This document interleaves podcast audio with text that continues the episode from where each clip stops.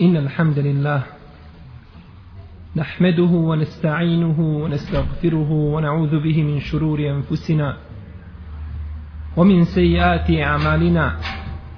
من يهدي الله فهو المهتدي ومن يضلل فأولئك هم الخاسرون. وأشهد أن لا إله إلا الله وحده لا شريك له وأشهد أن محمدا عبده ونبيه ورسوله وصفيه من خلقه وخليله أدى الأمانة وبلغ الرسالة ونصح الأمة وكشف الله تعالى به الغمة. وجاهد في الله حق جهاده حتى أتاه اليقين. اللهم اجزه عنا خير ما جزيت نبيا عن أمته ورسولا عن دعوته ورسالته.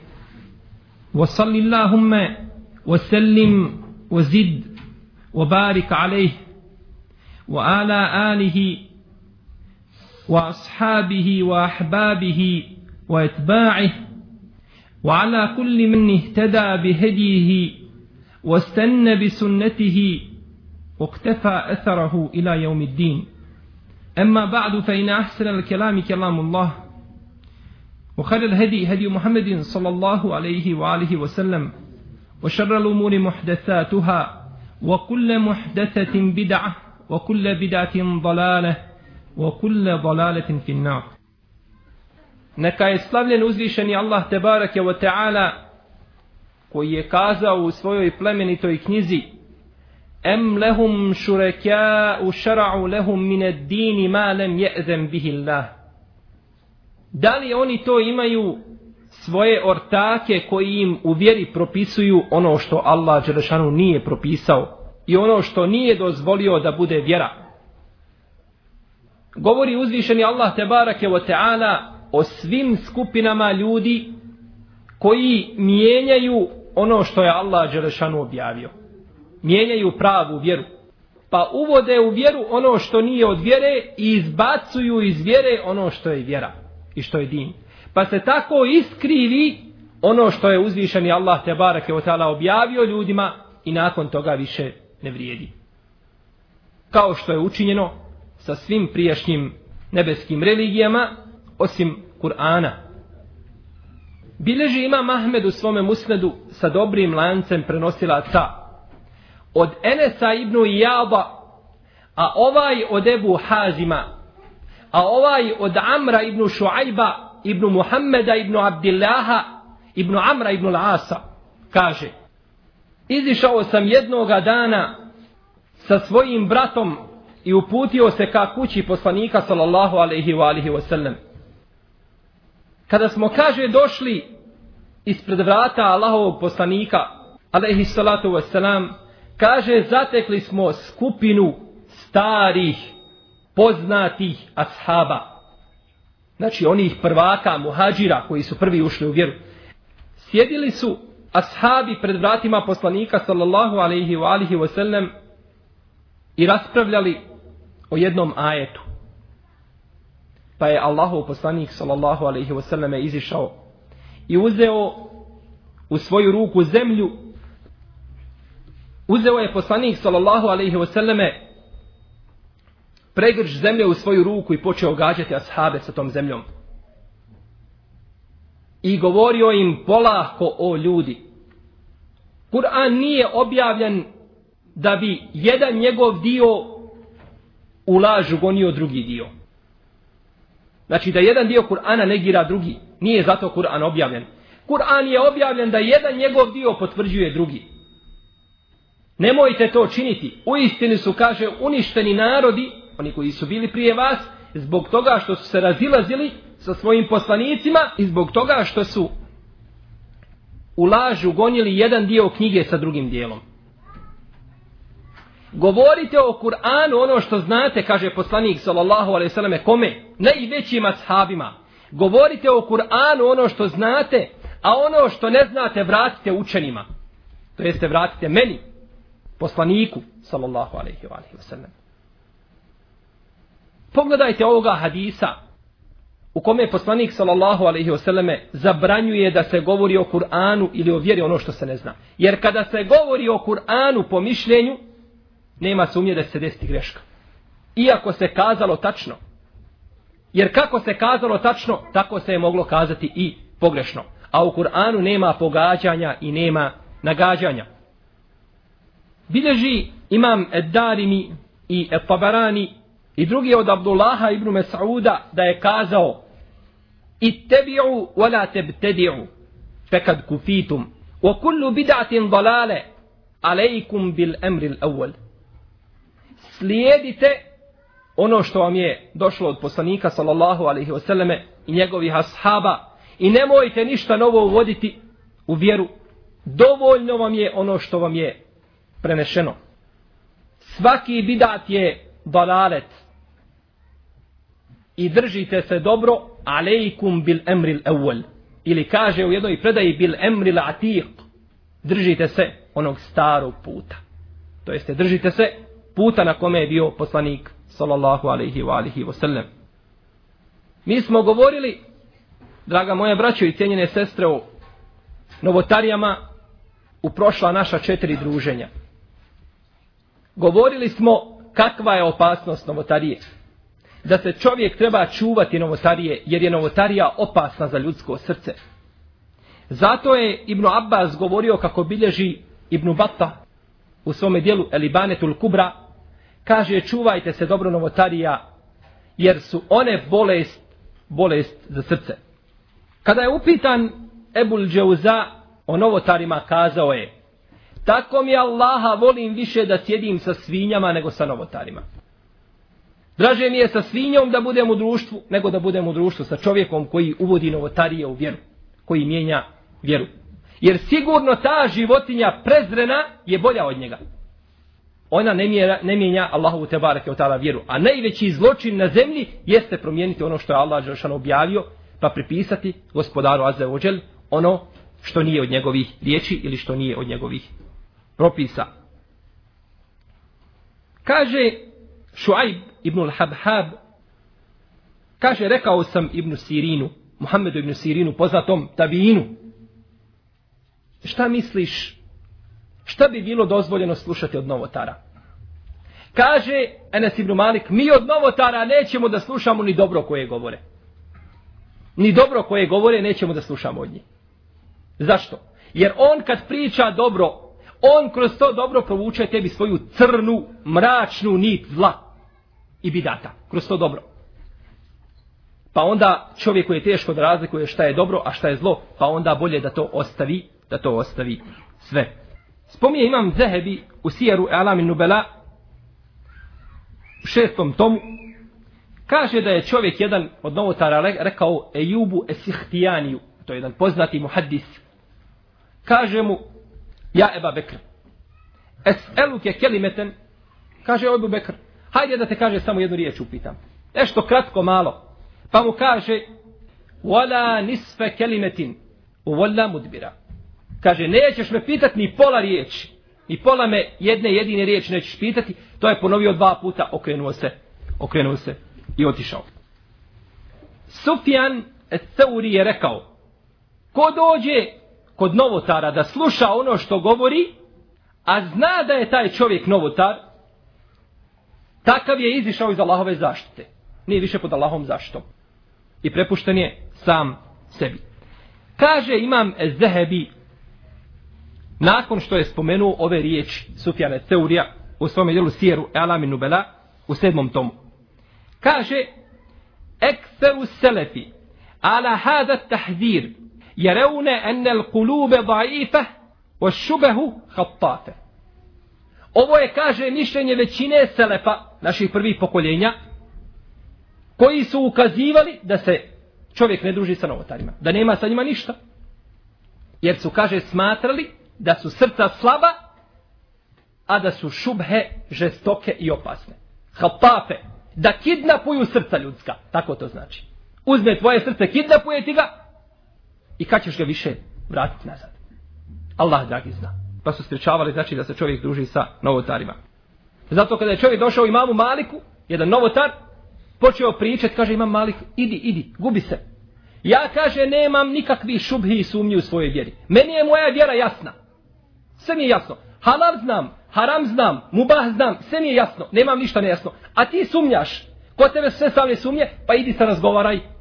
Idi razgovaraj sa onim koje je tvoga profila, koje je tvoga mezheba i menheđa, pa sa njim razgovaraj, sa njim se raspravljaj. Meni je moja vjera jasna. I nije htio da razgovara sa njim. Ko? Imam malik. Imam malik. Jer, draga moja braćo, ponekad čovjek se osti jak. Da je jak i da se može suprostaviti i ovome i onome i onda upusti se pa padne. Propadne na tom ispitu. Kao što je učinio Imran ibn Hittan. Poznati jedan učenjak koji je bio, ali oženio ženu koja je bila Haridžijka. Pokvarenog Haridžijskog mezheba oženio je. Kaže, ja ću nju prevesti na mezheb ehlu sunneta. Pa je ona njega prevela da bude Haridžija. Kaže, imam zehebi za njega. Kaže, to je bio pravi poznati alim. Ali je, kaže, bio glava Haridžija. Gotovo, prevela ona njega. Zato ne treba čovjek da se igra s takvim stvarima. Vidimo da su najbolji naši prethodnici govorili kako neće da sjede sa novotarima. Kako onda možeš imati novotara životnog saputnika? Pogledajmo, braćo, I uzmimo pouku iz primjera velikog jednog imama ovoga umeta, a to je Ebu Hamid El Gazali. Poznati učenjak da mu se Allah Želešanu smiluje i da ga uvede, inša Allah, u dženecka prostranstva.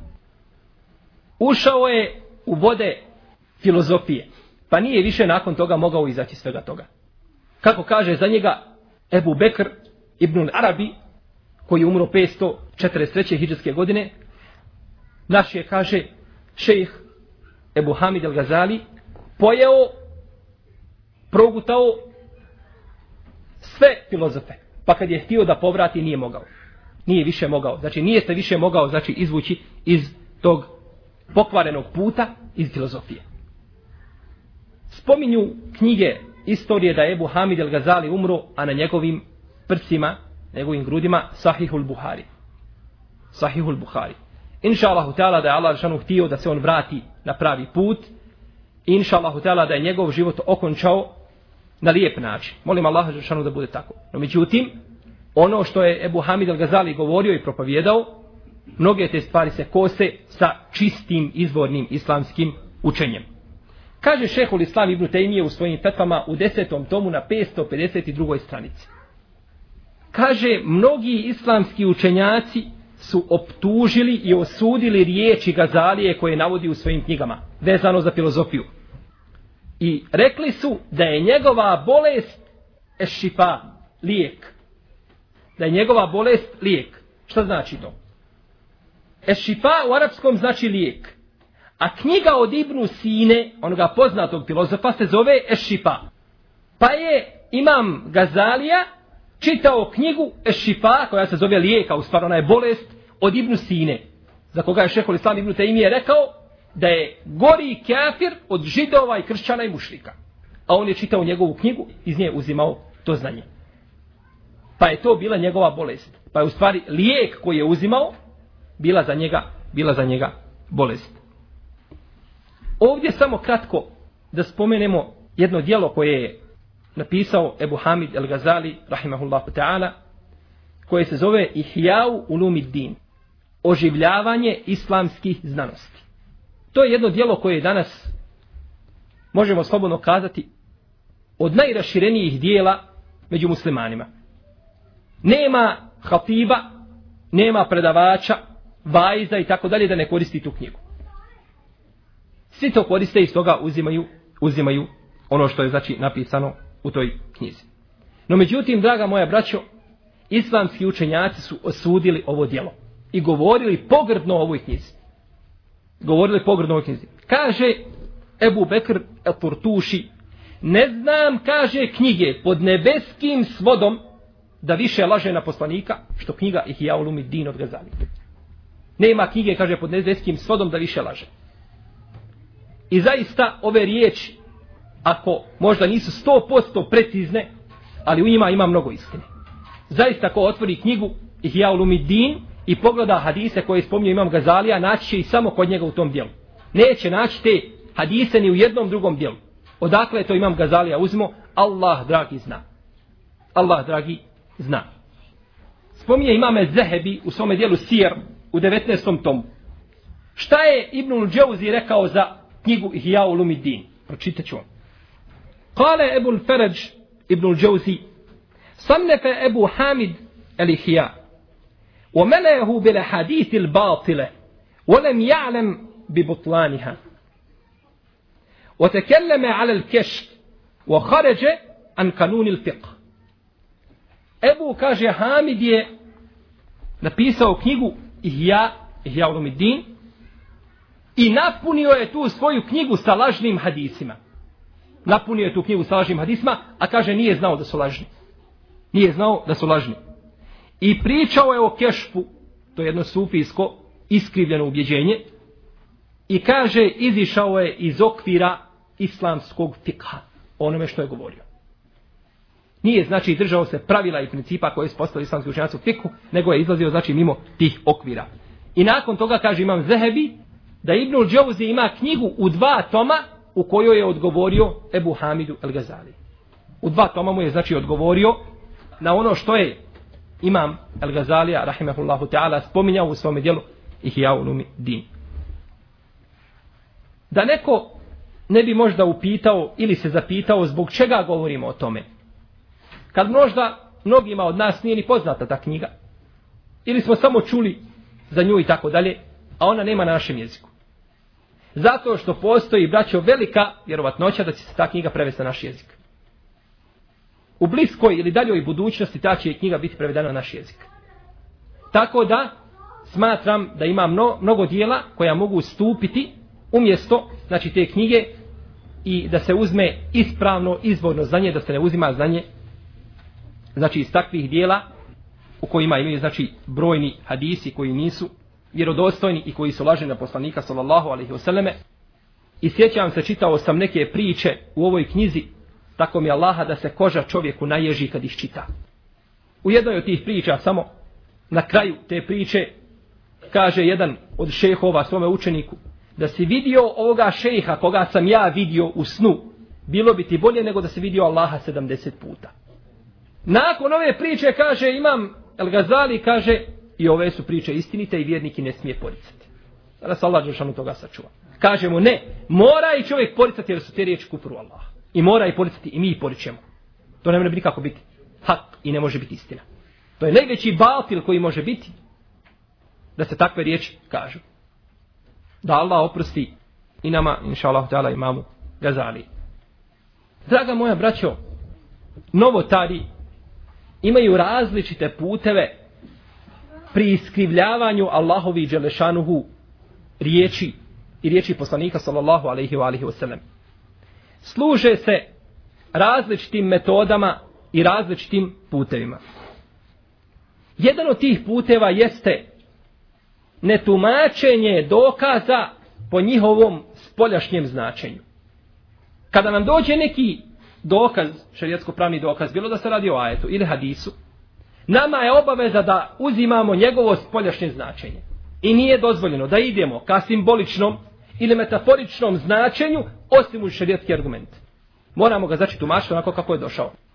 E novotari šta rade? Oni ne tumače tako. Oni imaju posebna tumačenja. Pa iskrivljavaju Allahove dželešanu ajete i riječi poslanika sallallahu alaihi wasallam. I to je židovski put.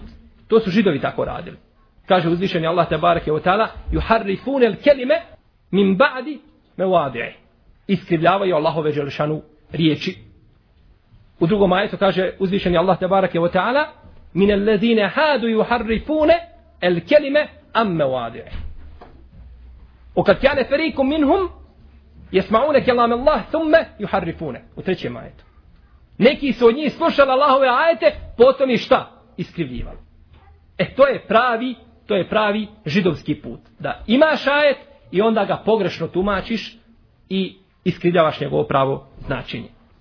Ovo nam najbolje može pojasniti braćo predaja koju bilježi imam Buharija u svome sahihu od Ibnu Omara, radi Allahu te anhu. U kojoj stoji da su čovjek i žena židovi da su počinili nemoral, nemoral u vrijeme poslanika sallallahu alaihi wa alaihi wa. U jednoj predaji se navodi da je to bio svećenik židovski jedan. Taj čovjek da je bio svećenik, bio ugledani, priznat kod njih. Pa su kazali, eto vam Muhammeda, tu je, idite kod njega pa vidite ima li nešto kod njega. Ne bi li Muhammed dao nešto, nekakvu olakšicu. Pa su došli kod poslanika, sallallahu alaihi vseleme, pa kazali, tako i tako se desilo. Kaže im Allahov poslanik, sallallahu alaihi vseleme, imate li vi, kaže, te vrat kod vas? Kažu, imamo. A šta kaže, piše u Tevratu? Kažu, piše da ih trebamo bičevati i da ih trebamo osramotiti, da im trebamo svašta govoriti i da ih trebamo protjerati godinu i tako dalje. Kaže Allahov poslanik, sallallahu alaihi wa alihi wasallam, doneste te vrat. Dolaze kod poslanika, a imaju, a imaju te vrat. Kaže Allah te barake wa ta'ala, وَكَيْفَ يُحَكِّمُونَكَ وَعِنْدَهُمُ التَّوْرَا فِيهَا حُكْمُ اللَّهِ Kako oni to tebi dolaze i od tebe propis traže, a imaju te vrat, u kome se nalazi Allahov propis? U kome se nalazi Allahov propis. Thumme yatawallawna min badi zalik. Nakon toga oni se okreću i bježe. Oma ulaike bil mu'minin. To nisu vjernici. I kad im doneseš propis i da mi kažeš, oni to neće prihvatiti. Jer prije toga kažu je in utitum haza fehuduhu. Wa in lem tu'tehu fahzaru. Ako vam da tako i tako, ako vam Muhammed presudi, uzmite. A kaže, ako vam drugačije presudi, pripazite se. Nemojte to prihvatiti nikako. ومن يريد الله فتنته فلن تملك له من الله شيئا A onaj koga Allah hoće da iskuša, ti mu nećeš naći pomoćnika. Koga hoće na fitne da stavi. Ulajke alladine lem yuridillahu en yutahhira kulubehum. Lehum fi dunja khizyun wa lehum fil ahireti azabun azim. To su oni čija Allah žršanu srca nije htio očistiti. Njima na dunjalku pripada poniženje, a na sudnjem danu im pripada bolna kazna. Ako vam ovako da, prihvatite. A ako vam ne da, nemojte prihvatiti. To je, braćo, židovski put Da čovjek dođe i da kaže ako je ovakav propis ja ga prihvatam. A ako je ovakav onda ga ne prihvatam. To vjernik ne smije sebi dozvoliti. Sjećam se prije izvjesnog vremena došao mi je jedan musliman sa svojom hanumom i kaže ja imam kaže problema možeš li nam pomoći, možeš li nam savjetovati i tako dalje. Pa sam mu rekao bujrum dođi. Pa je došao napisao enciklopediju svojih problema koje treba pročitati, razmisliti o svemu tome, saslušati jedno, saslušati drugo. A na kraju sam ja saznao da je to sve bila njegova realizacija, da je on to scenirao po svome režiju. On je napisao šta je htio i ona je morala potpisati da je to tako. I kada je na kraju bilo, ja pitam Hanume njegove, hoćeš li ti prihvatiti ono što se kaže? Pa ako budeš bila u krivu, da se popraviš. Kaže, hoću. Pitam njega, hoćeš ti prihvatiti? Kaže, ja ću prihvatiti ako ćeš ovako presuditi. Ja ću prihvatiti ako ćeš ovako presuditi. I utitum hada fekodovu. wa tu tu'tehu pahdar. Ako vam ovako da, Muhammed, onda to prihvatite. A ako vam ne da, nemojte. Traži, znači, svoj hak i svoje pravo. U 99% slučajeva po njegovoj priči, da bi njegova žena bila kriva. Ali nije spreman da prihvati samo jednu sitnicu na sebe. Jednu jedinu sitnicu nije spreman da pristi na sebe. Šta tebe zanima od vjere? Tebe od vjere zanima koliko list koji u gori kad padne. To je samo ismijavanje sa Allahom Đelšanu vjerom. Jer čovjek koji je spreman da stavi svoju strast ispred Kur'ana i sunneta sigurno u svome srcu nema od imana osim onoliko koliko je ostalo svijeće koja, koja događa. Tebi je obaveza da se pokoriš. Došao si, pitaš o propisu. Ne znaš propis. Tebi je obaveza da se pokoriš. Ono što ti se kaže, moraš se pokoriti. Nemaš pravo izbora. Kao čovjek kad ode doktoru, braće. Dođe doktoru i doktoru propiše lijek. Je li kada kazao, ne, ne, neće ja taj lijek, ja hoću nešto drugo. Pokori se, uzme lijek i liječi se.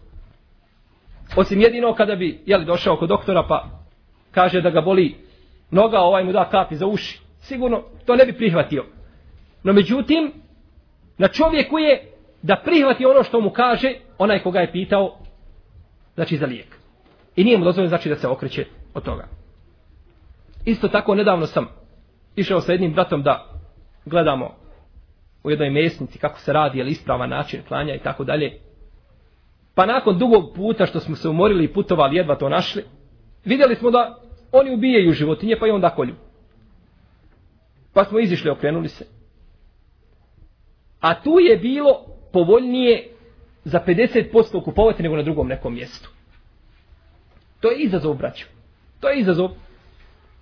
Pa kada smo izišli, taj naš brat musliman, koji je Allahu možda 10 ili 15 godina na seždu pada, ne može odobiti svojoj strasti šeitan, pa počne ispitivati. Pa dobro, a kako to treba klati? Kako je to po islamu da treba klati? Kad nije dozvoljeno ubiti, kako ga treba zaklati? Da je sebe na kraju doveo da kaže, pa islam muči životinje. Sam. U islamu je da se životinja muči. O vjernici, nemojte slijediti la te tebi ohutuvati šeitan. Nemojte slijediti šeitanske stope. Stopu po stopu i čovjek na kraju da dođe da dovede svoj iman u pitanje. Da kaže, onda, kaže, islam muči životinje.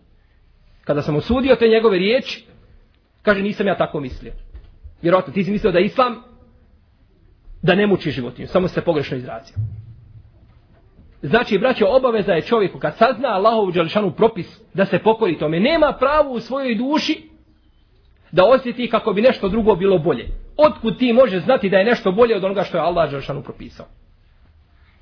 Fela u rabbike la yu'minune hatta yuhakkimuke fima šađara bejnehum. Thumme la jeđidu fi enfusim haražem mimma kadej. U yusallimu teslima. I tako mi gospodara tvoga, oni neće pravi vjernici biti, dok tebe, o Muhammede, kao sudiju u svojim međusobnim sporovima ne prihvate. A potom u svojim dušama nimalo te gobe ne nađu zbog onoga što si ti presudio i dok se sasvim ne pokoje. To su deređe i stepene i stepeni koje je uzvišeni Allah te barake o teala objavio. Moraš prvo prihvatiti poslanika sallallahu alaihi wasallam za sudiju. Kad ga prihvatiš, drugi stepen je da ne osjetiš u svojoj duši te gobe. I treći stepen je da se sasvim pokoriš. Ko bi ispunio dva, nije treći, opet nije pravi vjernik. Sva tri stepena. Da čovjek osjeća rahatluk u svojoj duši kada mu poslanik sallallahu alaihi wa alaihi wasallam presudi. Vi se sjećate, povod objave ovoga ajeta je bila priča Zubeira ibn Lawama sa onim ensarijom. Zubeir radijallahu ta'ala anhu je na svojoj njivi imao bunar kojim je napajao svoju zemlju. Pa se je sporio ovaj ensarija oko tog bunara. Pa kaže poslanik sallallahu alaihi wasallam kaže o Zubeire napajaj svoju njivu. Pa kad ti bude previše, onaj višak daj svome komši. Pa će biti jednom i drugom. Pa kaže ovaj ensarija, poigrao se šeitan sa ashabom, pa kaže, evo kjane ibn ammetike, ja Rasulallah, Jel to kaže zato što je on tvoj tečić, o poslaniče? Tako je si on presudio zato što ti je tečić? Pa kaže poslanik, ali i salatu selam, nakon što se razljutio, o Zubeire, napajaj svoju vodu, potom zemlju, potom napajaj, potom napajaj, pa kad ti bude viška, onda zabrani, ne daj mu ništa. Eto sad, sad nećeš dobiti ništa. Jer nisi bio zadovoljan sa Allahovim džanošanu zakonom. U jednoj se predaj navodi, koji bilježi Ibn Abi Hatim, i koji spominje Ibn Kesir u svome tefsiru, da je čovjek došao kod poslanika sallallahu alaihi sallam, da mu presudi pa mu presudio pa ovaj izišao nije bio zadovoljan nešto mu nije odgovaralo ide tražiti drugog ide traži drugog pa došao do Ebu Bekra pa Ebu Bekr mu presudio pa nije bio zadovoljan kao naš narod kad ide od, hođe, od hođe do hođe traži fetvu traži ko će mu dati olakšicu kad je došao do Omara kaže jesi li bio kod poslanika sallallahu alejhi ve selleme kaže jesam Jesi li kod Ebu Bekra? Kaže, jesam. Pa jesu li ti presudili? Kaže, jesu. Pa šta je? Kaže, nisam zadovoljan. Kaže, sačekaj, ja ću tebi presuditi. Pa je otišao u svoju, iznio sablju i osjekao mu glavu. Pa je povodom toga objavljen ovaj ajet. Ispravno da je povodom prvog slučaja, ali se navodi znači i ovo i ovaj povod objave. Poslanik sallallahu alejhi ve selleme koji je tebi milostiviji od tvoje majke i tvoga babe. On ti presudio ti nispravan. Od koga si onda spreman da prihvatiš? od koga si spreman da prihvatiš. Da se vratimo na hadis Ibn Omara.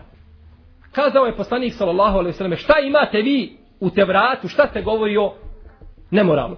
Kažu, govori se kako ih treba bičevati, kako im treba ružno govoriti, kako ih treba namazati da budu garavi, kako ih treba protjerati sve, ali ne ubiti, ne kamenovati. Kaže poslanik sallallahu alejhi ve selleme dobro kaže, donesite mi Tevrat. Pa su donijeli Tevrat. Pa je rekao poslanik sallallahu alejhi ve selleme otvori i čitaj. Pa je ovaj židov uzeo i stavio prst, ruku stavio na ajet koji govori o kamenovanju. Pa pročitao ono što je prije i ono što je kasnije. A taj ajet izustio. Nije ga pročitao. A to je bio Abdullah ibn Salam, prisutan, koji je bio židov pa primio islam. I poznavao te vrat. Kaže mu, lažeš, digni, kaže, ruku sa toga ajeta. Kad je digao ruku, kaže, u, jeste, kaže, stvarno, Muhammede, kaže, istinu si rekao. Istinu si rekao, kaže, Muhammede, zaista, kaže, kod nas u te vratu ima.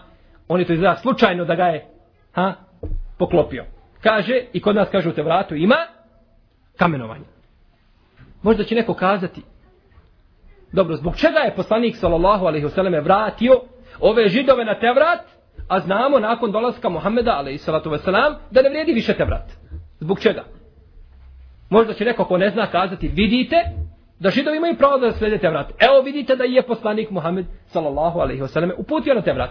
Znači ako slede Tevrat uspiće. Neće. Propašće ako ne slijede Kur'an. Tevrat im neće koristiti.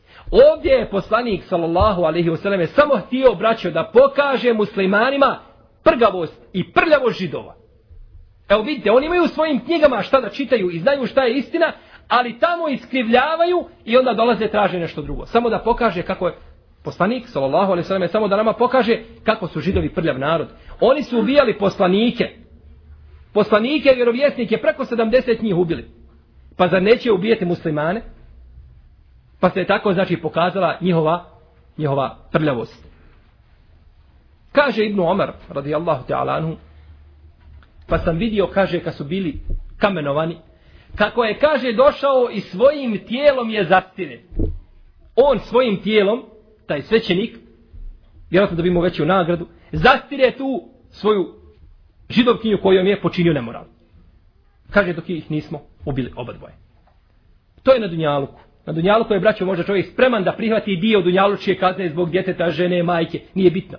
Ali na Ahiretu, kad bude čovjek od svoje majke bježao, i od oca, i od, ci, od sviju, Samo da sebe spasi. Sve bi živo u vatru bacio, samo da sebe, samo da sebe spasi. Pogledajte kako su ovdje židovi došli do ovoga iskrivljenog značenja i tumačenja. Tako što su uzeli jedan dio, a zanemarili drugi dio.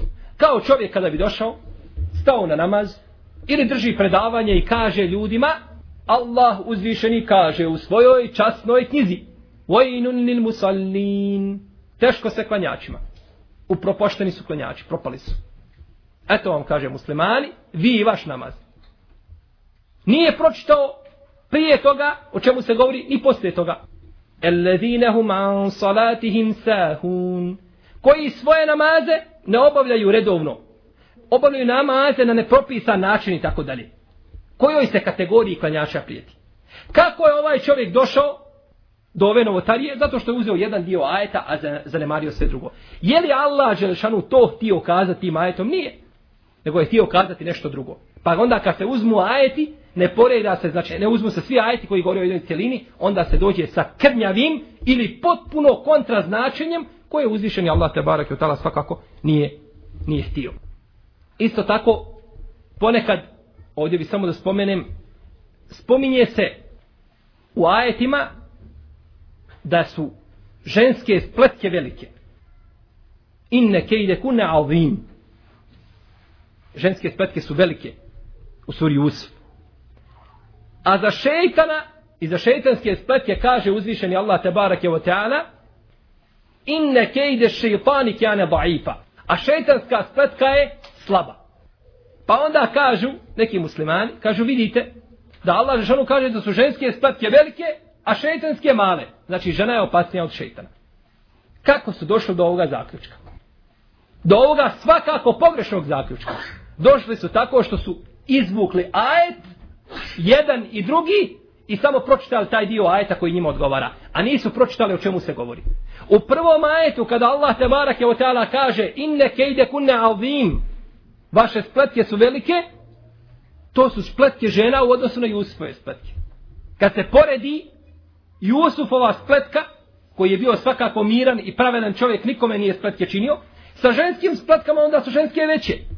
Ali kada se kaže da je šeitanska spletka mala, govori se, poredi se, Allahova spletka i šeitanska spletka. Jednostavno. Samo treba uzeti kontekst i jedan i drugi i onda ćeš znati o čemu ajete govore i neće doći do čega? Do pogrešnog razumijevanja ajeta ili hadisa. Jer ajeti koji, u kojima se kaže inne kejde šeitani kjane daifa, šeitanske spletke su slabe, ajeti govore o džihadu. Prije toga ajeti govore o džihadu. I Allah pomaže vjernike i mu'mine pa šeitan pada u vodu, kao što je pao u brojnim bitkama. Jer Allah pomaže mu'mine i muđahide. E tu šetanska spletka biva slaba. Pa nije ispravno da doći pored kazati ženska spletka je veća od šetanske. Sigurno da nije. Šeitan je čovjeku otvoreni, otvoreni neprijatelj. S tim do, što ostaje svakako ono što je poslanik sallallahu alaihi wa alaihi wa rekao, da nije svome umetu nakon sebe ostavio veće fitneta, većeg fitneta od, od žena. Također hadis Žerira ibn Abdillaha el Beđelija, koga bilježi ima muslim u svome sahihu, u kome stoji da je poslanik sallallahu alaihi ve sellem rekao men senne fil islami sunneten hasaneten felehu eđruha wa eđru men amile biha ila jeumil qiyameti. El hadis. Ko uvede u islam, uspostavi u islamu neki lijep običaj, njemu pripada nagrada svih onih koji rade po tome do sudnjem danu. Da se od njegove nagrade neće uzeti tako da ne poduži hadis. Kažu, evo vidite da poslanik sallallahu alejhi ve selleme dozvoljava da se u vjeru uvede nešto. Kaže, ko uvede, ko uspostavi u vjeru nešto novo, njemu pripada nagrada. Pa se onda nadmeću u uvođenju novotarije. Kako su došli do tog razumijevanja? Došli su što su odvojili jedan dio hadisa od drugog. Prvi dio hadisa kaže da je poslanik sallallahu alejhi ve sellem jednog dana vidio ashabe kako su bili siromašni, boci, neodjeveni, nemaju ništa ashabi. Pa se ožalostio. Pa podsticao ljude na sadaku, pa je došao jedan ensarija prostro svoj ogrtač ili platno i onda su ljudi davali sadaku i tako dalje. Kad je to poslanik sallallahu alejhi ve sellem vidio, onda se osmijehnuo i kaže ko uvede u islam ili ko uspostavi neku lijepu stvar i tako dalje. Zbog čega smo odvojili povod kazivanja ovoga hadisa od riječi poslanika sallallahu alejhi ve sellem. Odvojili smo da udovoljimo svoje strasti. Da smo spojili to, došlo bi značenje kako treba. Šta je bidat? Bidat je novi način, put koji je uveden u vjeru koji nije bio poznat u vrijeme poslanika Muhameda sallallahu alejhi ve selleme, koji nije propisan niti Kur'anom niti sunnetom. To je bidat. Zar možeš u ovome slučaju kazati da je sedaka bidat? Sedaka je sunnet po konsensusu uleme. I po Kur'anu, i po sunnetu, i po konsensusu. Niko se ne razilazi u tome da je sedaka sunnet. I da ima legitimnost svoju šarijetu. Kako onda možete osuditi sedake, uvoditi nešto u vjeru, što niko da sahaba nikada, nikada nije uveo. Znači, do toga pogrešnog tumačenja se je došlo kada se odvojio, znači, taj drugi dio, drugi dio hadisa od povoda objave samog hadisa. Također, oni koji uvode braće novotarije u vjeru, koriste hadis u kome stoji da je poslanik, sallallahu alaihi wasallam, rekao Ma ra'ahu l-muslimune hasanan, fehuva hasan. Wa ma ra'ahu l-muslimune qabihan, fehuva qabih. Ono što muslimani vide lijepim, to je lijepo.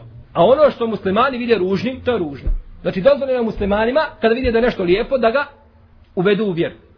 A kada vidi da je nešto ružno, da ga izvedu iz vjere. Kažem, ovaj hadis nema nikakve osnove u šarijetu. Nigdje ni u jednoj hadijskoj zbirci ne postoji ovaj hadis. Ko kaže da ima, neka ga nađe. Imam Ibn Abdel Hadi, jedan od učenika šehol Sama Ibn Taimije, kaže, prenosi se ovaj hadis od Enesa Ibn Malika sa ništavnim lažnim lancem prenosilaca. Lancem prenosilaca koji nikakve vrijednosti nema.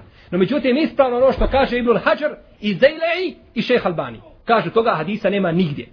U nijednoj hadijskoj zbirci nema toga hadisa da se može naći. Jer Ibn Abdul Hadi nije ukazao na knjigu u kojoj se nalazi. A za svaki hadis koji ne zna Hafil Ibn Hajar gdje se nalazi, možeš slobodno zaboraviti taj hadis. Nego je ispravno da su ovo riječi Ibnu Mesauda. Da je to kazao Ibnu Mesaud. I kaže imam Ibnu Kesir i Haf Ibnu Hajar Skalani, i Zejlej i šejh Albani da je ta predaja dobra. Od Ibnu Mes'uda, kao riječ Ibnu Mes'uda, ne kao riječ poslanika, sallallahu alaihi wa alaihi wa sallam. I bilježi je imam Tabarani u Muađemu Leusatu i bilježi je imam Ahmed u svome Mustadu. Od Ibnu Mes'uda. No međutim, oni koji su kazali ove riječi, nisu se zadovoljili, braćom. Nisu se zadovoljili da kažu to su riječi poslanika, sallallahu alaihi sallame, nego su i riječi Ibn Mes'uda pocijepali razbojili. Ova predaja u svome originalu glasi da je Ibn Mes'ud rekao Allah Želešanu je, kaže, pogledao u srca ljudi. Pa između svih tih srca ljudi odabrao srce Muhammeda sallallahu alaihi sallam za svoj risalet. Potom je ponovo pogledao u srca ljudi i kaže pa odabrao njegove ashabe. Potom je ovo rekao. A ono što vide muslimani lijepim to je lijepo, a što vide ružnim to je ružno. Dakle, o kome se govori u ovoj predaji? O ashabima. Riječi se govore ovdje odnose na ashabe. Ne govori znači Ibnu Mesaud ovdje općenito o svim ljudima. Kontekst nam govori, znači iz konteksta možemo zaključiti o kome se ovdje govori.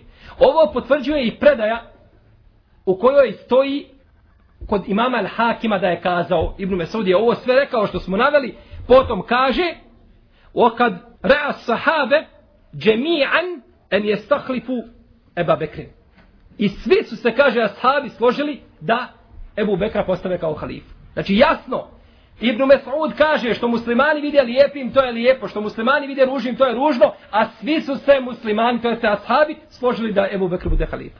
Jasno da se govori o ashabima, dobro.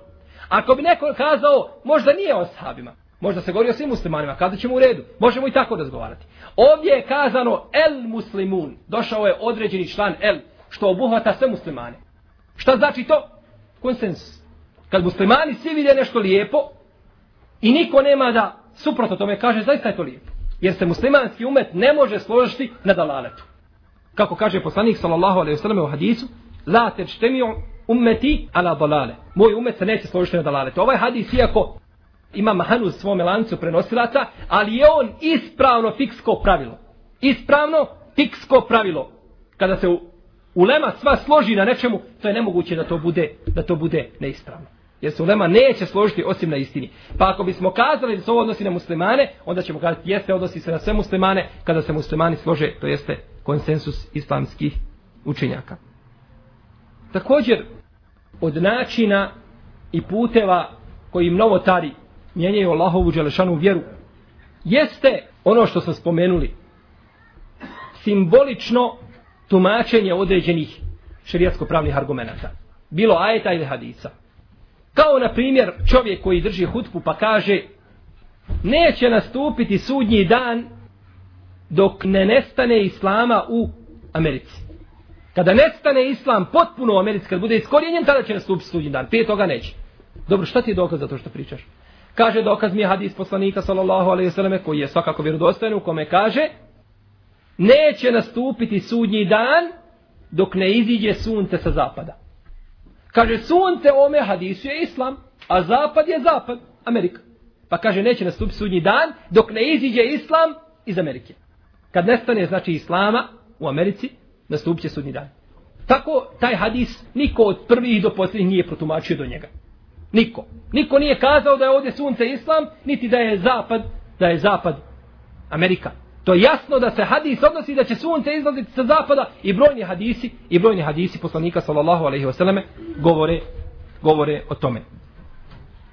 Isto tako tumačenje ajeta Allaha te bareke taala iskrivljeno tumačenje nekakvo batinije skriveno unutrašnje tumačenje koje svako ne može vidjeti. Po kome su se istakle sufije i onih koji su isledili u tome njihovom, u tome njihovom balaletu.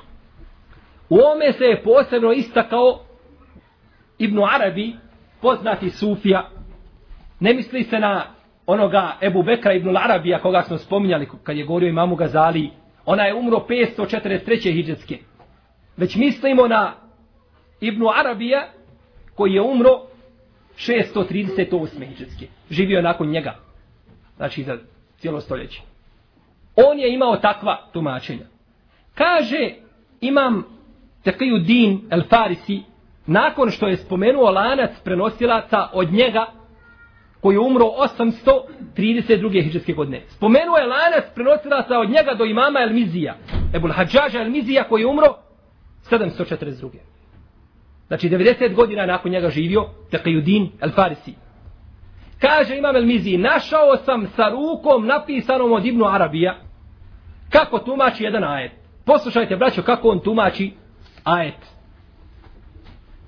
Ajet u kome uzvišeni Allah te barake u ta'ala kaže Innal alladhina kefaru sawa'un alejhim enzertehum am lam tunzirhum la yu'minun. Oni koji ne vjeruju svejedno je opominjao ti njih Muhammede sallallahu alejhi ve selleme ili ih ne opominjao, oni tebi neće vjerovati. Oni koji su kufr počinili Allahu dželešanuhu, innal ladina kafaru. Kafara u arapskom jeziku znači nešto pokriti. Nešto prikriti. Zato je sijač, onaj poljoprivrednik nazvan da je kafir. Zato što pokriva sjemenku sa zemljom. A kafir, ne nevjernik se zove kafirom zato što pokriva svoj iman u srcu sa kufrom. Pa kaže ovdje Ibn Arabi u komentaru ovoga ajeta oni koji su kufr počinili, kaže on, oni koji su sakrili svoju ljubav prema Allahu. Znači nisu oni koji su počinili kufr, nego oni koji su sakrili svoju ljubav prema Allahu. Pogledajte braću tumačenja.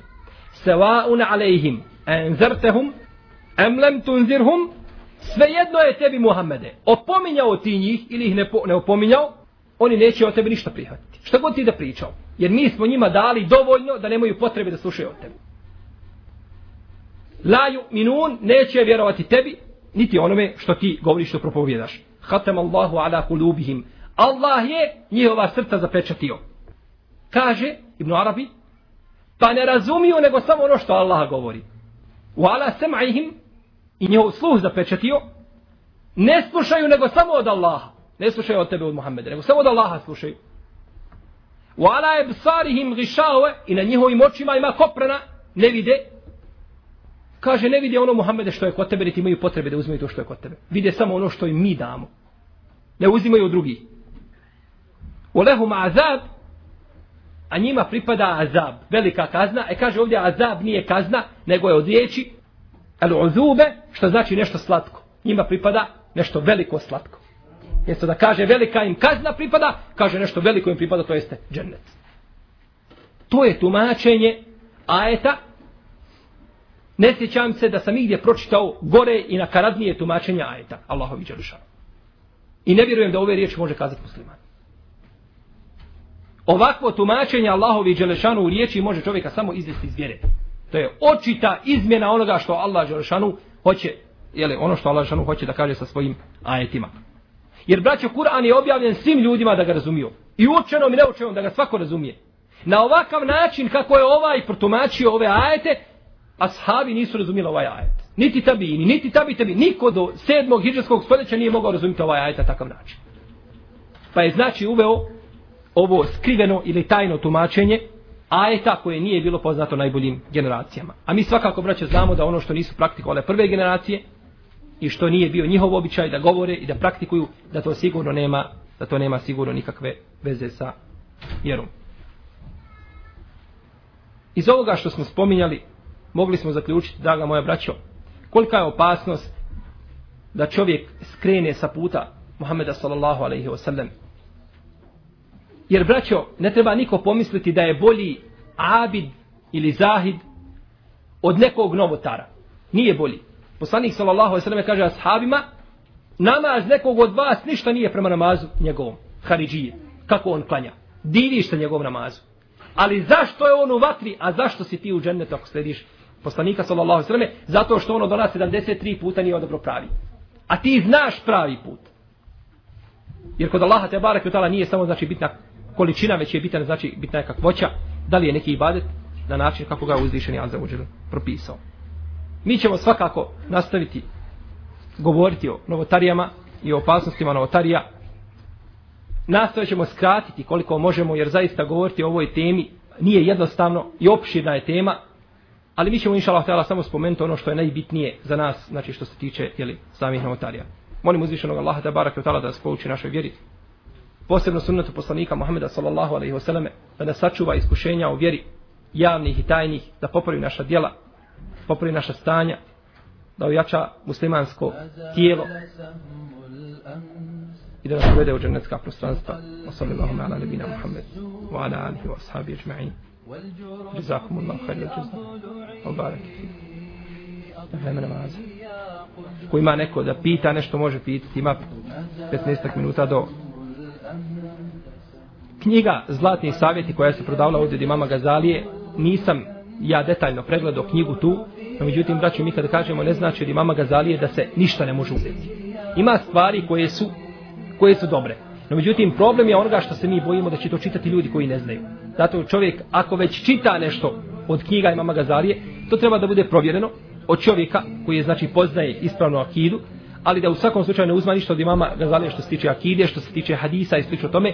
Tako da, znači, svako od tih knjiga koja dođe treba pregledati je, bez obzira od koga autora bila, jer ponekad čovjek dole ima u fusnotama, ima svoje opaske, pa dadne on dadne svoje opaske koje su jako ovaj e, čudne i koje su neispravne i tako dalje, a ne mora značiti islamski učenjaci ako su pisali knjige, znači da nema u tim knjigama nešto što je trebalo popraviti, tako dalje, možda u samom prevodu i slično tome, tako znači treba pregledati svako to dijelo. Jesi. Budući da je Abdul Waris Ribo preveo inšalah tu knjigu, smatram da je on sigurno ovaj pregledao to i da nije tek tako dozvolio znači da to prođe, pa inšalah da možemo vjerovati kako da našem bratu. Prvo, braćo, ovdje je jedna jako bitna stvar.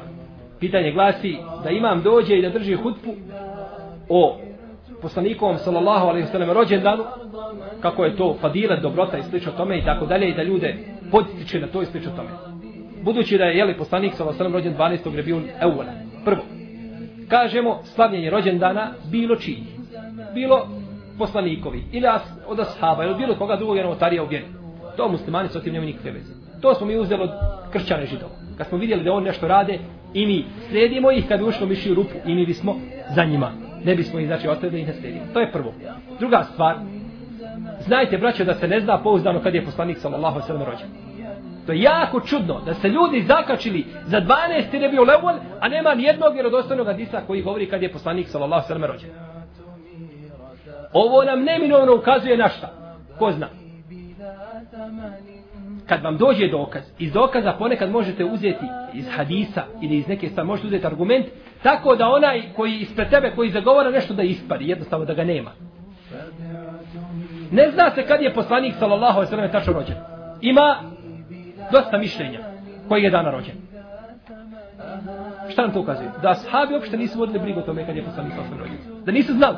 Jer da su znali to, na on prenijeli. Znači nisu vodili brigu, nisu stavili i nije zanimalo kad je Muhammed, sallallahu alejhi ve sellem rođen. Jer zato, zato se ne vežu šarijetski propisi. I nisu to pazili. Da su pazili, to bi nam bilo preneseno, knjige bi bile prepune toga kad je Muhammed sallallahu sallam rođen. Ali nisu nam to prenijeli. To znači da nisu pazili, nije ih to zanimalo. Jer se šarijetski obredi ne vežu za rođendan Muhammeda sallallahu alaihi wa sallam.